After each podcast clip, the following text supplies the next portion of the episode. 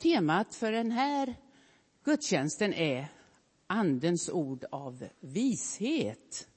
Och det får vi verkligen be om. Jag var på second hand igår och där delas det ut och ligger vid borden oftast en liten sån här lapp. Där står det också Pingsmöndal vill vara en kyrka för alla.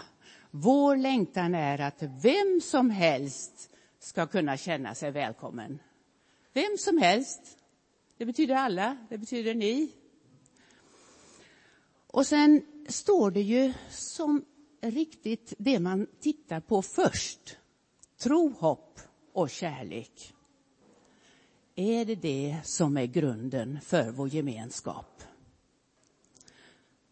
Anna-Maria som ska predika här, Anna-Maria Bergqvist och Anders Bengtsson som sjunger här så fint tillsammans med oss alla. Hon ska ju tala om det här med anden och jag ska läsa det kapitlet som kommer sen. 13 i första Korinthierbrevet. Då vet ni att det är kärlekens kapitel, eller hur? Och jag ska inte läsa allt, ni får läsa hemma sen, för det är ju så fina ord om kärleken som passar också alltid.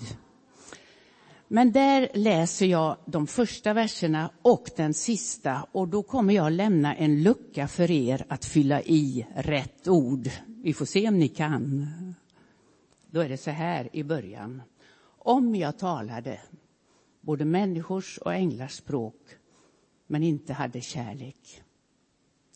Då vore jag endast en ljudande malm, en skrällande symbol. Om jag ägde profetisk gåva och kände alla hemligheter och hade all kunskap. Och om jag hade tro så att jag kunde förflytta berg men inte hade kärlek så vore jag ingenting. Och så kommer de här underbara orden sen om kärlek, vad den är. Men avslutningen är ju detta som vi vill, med, ja, vi vill dela med oss det överallt vi kommer. Nu består tron, hoppet, kärleken. Dessa tre, men störst av dem är... Ja, bra. Det är det som ska riktigt landa här. Eh, vi ska starta här och be för mötet och för alla som medverkar, vilket ju ni gör alla, det förstår ni säkert. Där man sitter i sin bänk medverkar man verkligen. Och när man sköter det som är det tekniska så medverkar man. Om man sköter om det som har med kaffe att göra så medverkar man. Eh, vi ska ta också med en liten familj som jag har haft kontakt med. Och det lilla barnet, inte många veckor gammal, är mycket sjuk. Den lilla familjen vill jag att vi tar med redan i början. För sen kan ni som vill också skicka fram ett böneämne göra det via, som vi brukar här, med b eh, så kommer det med i slutet också. Och det är för de som följer med i webben finns det naturligtvis också den möjligheten. Men då ber vi nu för detta. Herre, tack att vi får samlas så här igen. Tack att vi får se varandra igen. Att vi är som syskon i en stor familj, Herre. Låt det landa i vår själ och hjärta att kärleken är störst och att du vill leda oss med din ande. Så ber jag dig alldeles särskilt för den lilla familjen. Du ser dem nu, du omsluter dem på alla sidor och du håller dem i din hand. Låt dem få känna det. Amen. Tack. När man förbereder en predikan, i alla fall så är det för mig, då tänker jag, men jag har en färdig tanke. Det här ska jag prata om, det här ska jag landa i. Jag har liksom, ibland är det så att då har jag den tanken klar. Eh, och sen när man börjar studera, man börjar fördjupa sig i ordet man ska predika om, så bara tar det en helt annan väg. Och så är det inför en, idag kan man säga. Jag har varit med på en liten resa eh, som jag tänkte ta med er på. också när det gäller Andens ord av vishet. Eh, vi ska försöka ge oss på det här bibelordet tillsammans idag. Så jag inbjuder er att vara med och så hoppas jag att ni, ni kan följa det jag försöker säga. Höstens tema är i alla fall hela församlingen i funktion. Eh, och det talar ju om vad församlingen är, att vi är en levande kropp och att eh, var och en har olika delar, olika gåvor. Du har en gåva som Gud vill använda för en särskild uppgift. Eh, och vi kommer under den här hösten att prata om olika gåvor. Framförallt kanske utifrån Romarbrevet 12, eh, men idag, dagens gåva är hämtad ifrån första Korintierbrevet 12. Eh, detta härliga brev.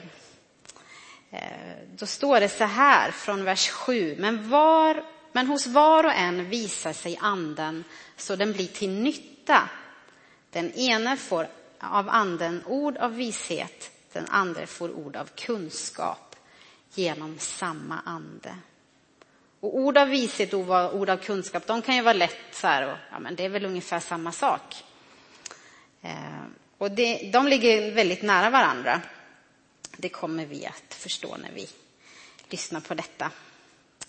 Det hebreiska ordet för vis och vishet, det kan stå för många olika saker. I flera av GTs böcker så står det närmast om skicklighet fick jag lära mig nu om hant, en hantverkares färdighet. Insikt att ha förmåga och kunskap att göra någonting med sitt hantverk. Och det vet vi, det finns ju ett helt gäng i den här kyrkan som är duktig på, på hantverk. Så du räknas ju in där. Begreppet vishet kan också betecknas som någonting eh, mer av andliga egenskaper. Eh, om man nu ska dela upp det på det sättet. Eh, femte Mosebok 34 så står det att eh, Josua hade fyllts av vishetens ande när Mose la sina händer på honom, vilket gjorde att folket lyssnade på honom. I det här fallet så står vishet för en slags förmåga att övertyga. En inre auktoritet som skapar lydnad. Och på Gamla testamentets tid så var det ofta att vishet var kopplat till kungen, eller regenten. Kungen hade som på något sätt en tjänst att fungera som någon högsta domstol och var lite så här, eh, ja, ja, när man skulle, eh, ja, ni vet högsta domstol, de skulle liksom säga, men det här, det här är rätt och det här är fel och så vidare. Det var kungens roll. Och känner ni till en vis kung? Salomo, ja precis. Han var kanske den som var mest känd för sin vishet, i alla fall i början av hans tid. Eh, och I Kungaboken 3 så står det berättat om att Gud visar sig för honom i en dröm. Och Gud säger, du får be om precis vad du vill. Om du hade fått den frågan, vad hade du bett om då? Det kan du fundera på. Be om precis vad du vill. Och då säger Salomo, Herre min Gud, nu har du gjort din tjänare till kung efter min far David. Men jag är bara en ung man. Jag vet varken ut eller in. Eh, men din tjänare är här bland ditt folk som du har utvalt. Ett folk så stort och talrikt att det inte kan räknas på grund av sin mängd.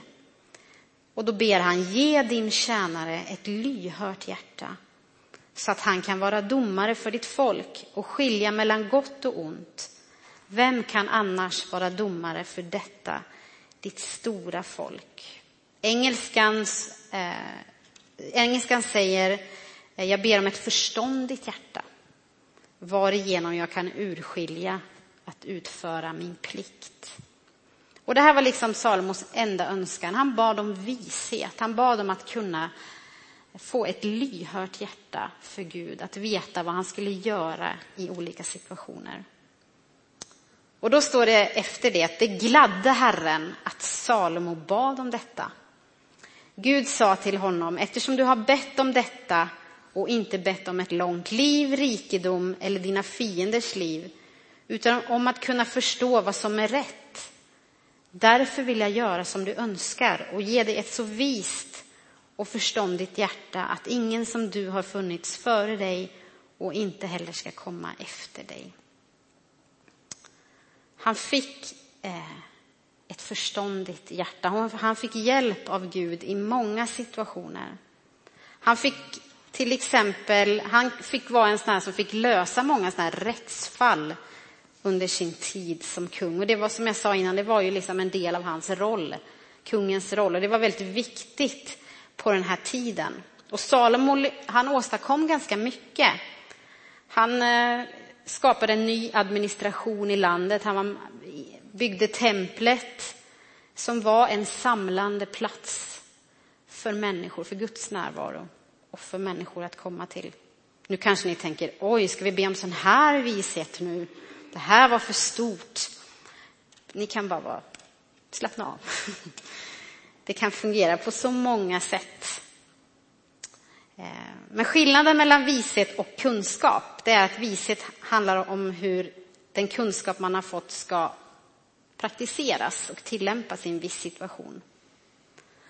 Eh, och ett exempel på ord av vishet kan ni gå hem och läsa i första kungaboken eh, 3. Där finns ett, en berättelse när eh, två eh, mammor de bråkar om ett barn. Det här är mitt barn. Ni kan gå in och läsa mer detaljerat där. Eh, och då så eh, Salomo undrar ju, men hur ska, jag kunna, hur ska man lösa det här då?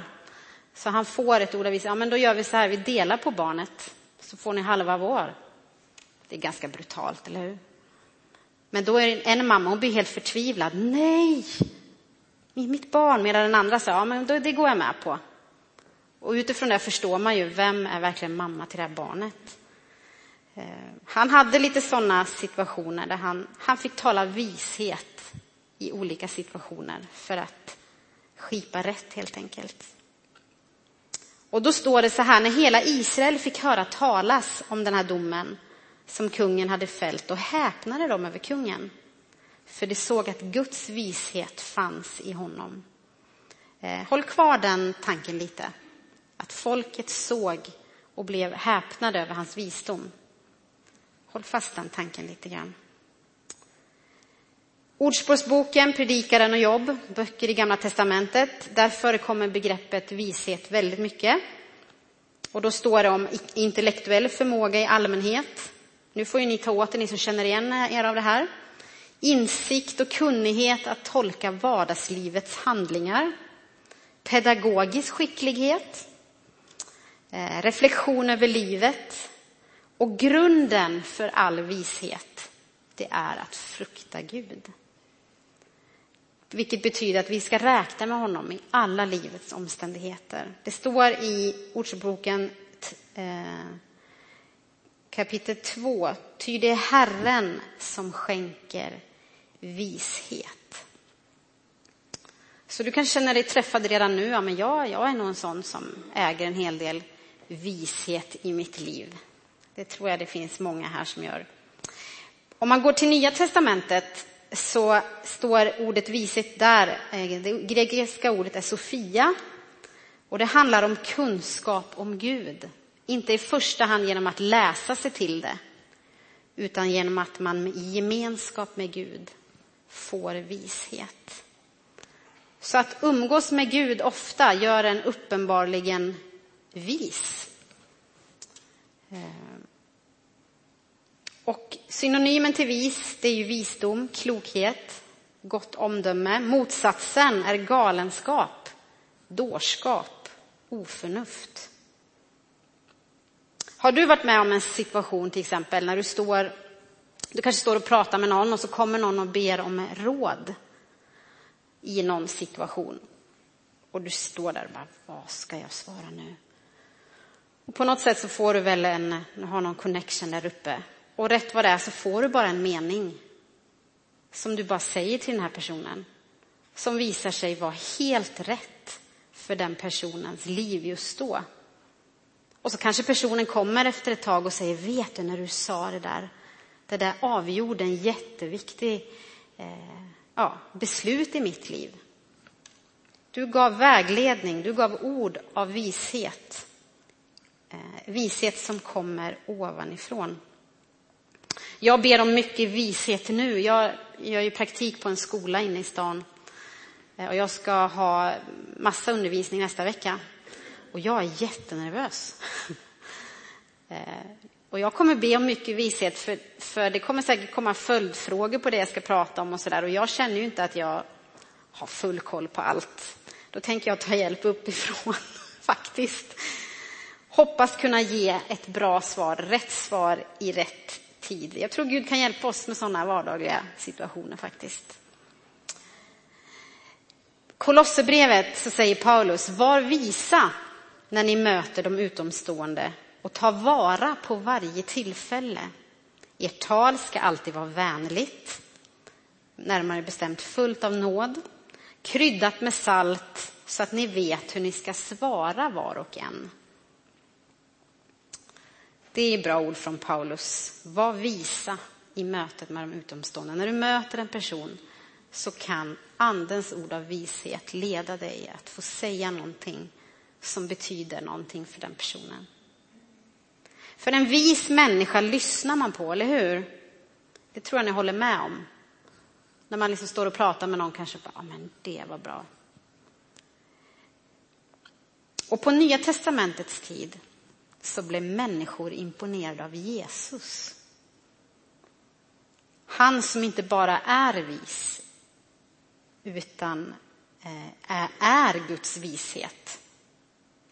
För, utifrån första Korinthierbrevet 1 står det, men för det kallade både judar och greker predikar vi Kristus som Guds kraft och Guds vishet. Jesus är alltså personifierad vishet. Och han undervisade alltid på ett sätt som gjorde att folk häpnade. Känner ni igen tanken? Folket blev impad av Salomo när han predikade eller talade. Samma med Jesus. Folk häpnade när de hörde han undervisa. Han var full av vishet. Alla blev såklart inte det. En del blev ju stötta över att han kunde vara så vis, för han var ju bara snickarens son. Vi läser i Markus 6 så står det, när det blev sabbat började han undervisa i synagogan. synagogan. Många som hörde honom häpnade och sa, varifrån får han detta? Och vad är det för visdom han har fått? Och vilka kraftgärningar han gör med sina händer. Är inte det snickarens Marias son, bror till Jakob, Joses och Judas och Simon? Bor inte hans systrar här hos oss? Och de tog anstöt av honom. Så det var båda reaktionerna. Både att de var imponerande men också att de blev, eh, funderade på vem han var. Men han talade på ett sätt som gjorde att människor ville lyssna. För att han var full av vishet. Och han talade på ett sätt som gjorde att människor förstod. Därför att han var full av vishet. Han visste vilka han pratade med och han lade det på den nivån. Han, han pratar också till exempel om en berättelse som just handlar om vishet och klokskap kontra att, att vara en dåre. Han säger så här i bergspredikan till exempel. Den som hör dessa mina ord och handlar efter dem liknar en klok man som byggde sitt hus på klippan. Regnet öste ner, floden kom, vindarna blåste, kastade sig mot huset. Men det föll inte för det var grundat på klippan. Men den som hör dessa mina ord och inte handlar efter dem han liknar en dåre som byggde sitt hus på sanden. Regnet öste ner, floden kom och vindarna blåste och slog mot det huset. Och det föll samman och dess fall var stort. Den vise hör Jesu ord och handlar efter det, medan den som inte gör det är som en dåre som bygger på ostadig grund. Återigen kommer folks reaktion när Jesus hade avslutat detta tal var människorna överväldigade av hans undervisning. För att han undervisade dem med auktoritet och inte som de skriftlärda.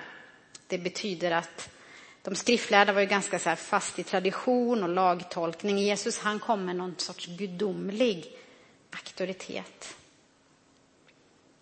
Så vi har en vishet från Gud i Jesus Kristus. Men du och jag, vi har den helige Ande och vi kan också ha den här gåvan.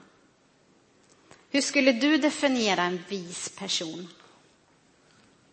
Fundera på det. Vem tänker du på när du tänker han eller hon, det är en vis person? Har du någon i din närhet du, du har, tänker på? Jag tänkte vi kan, vi kan skriva lappar nu och samla in, så kan jag läsa upp alla. Det är väl bra? Eh, jag vet vilka jag tänker på. Och jag hoppas du har människor i din närhet där du kan komma och, och prata och få vägledning. Och kanske att du själv har den gåvan att få vara till hjälp för andra. Och en sak som jag har märkt de senaste åren, det är att det här med vishet får växa. När man får tänka högt tillsammans med andra. Här på jobbet, med vänner. Vi har olika forum här i församlingen. Du kanske har det på ditt jobb eller där du är hemma.